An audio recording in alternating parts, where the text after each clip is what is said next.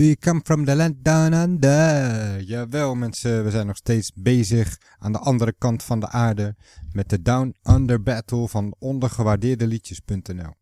We gaan snel verder met de keuze van Richard Rombouts, Jimmy Barnes, No Second Prize uit 1984.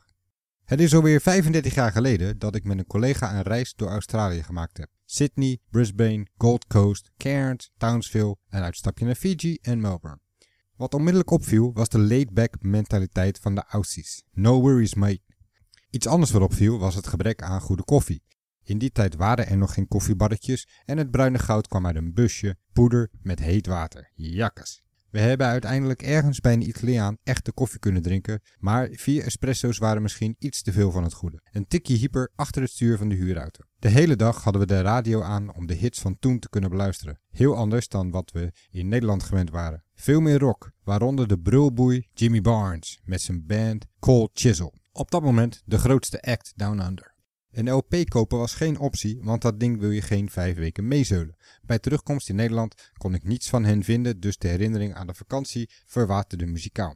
Tot mijn stomme verbazing trof ik in 1989 een solo live CD van Jimmy Barnes in een uitverkoopbak. Bij de kassa bleek dat ze zich vergist hadden, maar ik kreeg hem toch voor 5 piek mee. Het stelde allerminst teleur. IJzersterke rock, afgewisseld met ballads. Drie covers, Easy Beats, Percy Sledge, Bob Dylan en twee Cold Chisel liedjes. Goed van het begin tot het einde, want Barnes weet ook een cover op geheel eigen wijze in te vullen.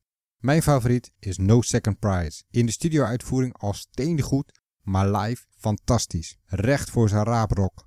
Het liedje kwam van zijn eerste soloalbum Body Swerve uit 1984 en was eveneens de single. Het behaalde de twaalfde plaats. Het was al in 1980 geschreven als een eerbetoon aan twee Cold Chisel roadies die in een vrachtwagenongeluk om het leven kwamen. In 2014 werd het album 3030 Hindsight uitgebracht met remakes van zijn favoriete tracks. Geen gewone remakes, maar met een keur van topartiesten zoals Joe Bonamassa, Steven Van Zandt, Journey, John Farnham, Tina Turner en diverse Australische topacts. Met natuurlijk No Second Prize, radio voluit, autoraam open, vuist in de lucht en meeschreeuwen.